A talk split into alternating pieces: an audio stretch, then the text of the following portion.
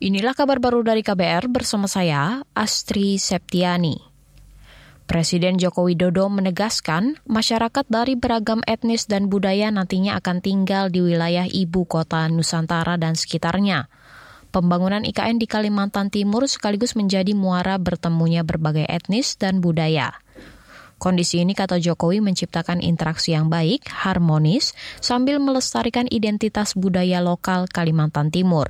Karena itu perlu dibangun kesadaran bersama pentingnya sikap saling menghormati, sikap saling menghargai keragaman, dan menjadikan Bhinneka Tunggal Ika sebagai sebuah kekuatan untuk membangun harmoni, kebersamaan, dan persatuan. Presiden Jokowi menekankan pentingnya mendahulukan pembangunan sumber daya manusia dan pelestarian semua kebudayaan yang ada di ibu kota Nusantara. Hari ini, Presiden Jokowi juga menghadiri Festival Dahau dan peringatan Hari Jadi ke-24 Kabupaten Kutai Barat, Kalimantan Timur.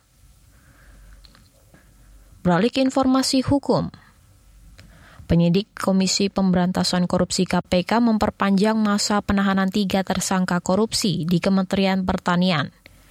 Juru bicara KPK Ali Fikri menerangkan, bekas Menteri Pertanian Syahrul Yassin Limpo dan bekas Direktur Alat dan Mesin Pertanian Muhammad Hatta diperpanjang penahanannya 40 hari ke depan hingga 11 Desember di rutan KPK.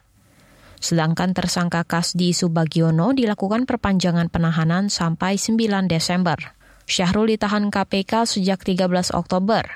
Dia diduga membuat kebijakan secara personal, di antaranya melakukan pungutan hingga menerima setoran dari aparatur sipil negara atau ASN, Kementerian Pertanian, untuk memenuhi kebutuhan pribadinya dan keluarganya.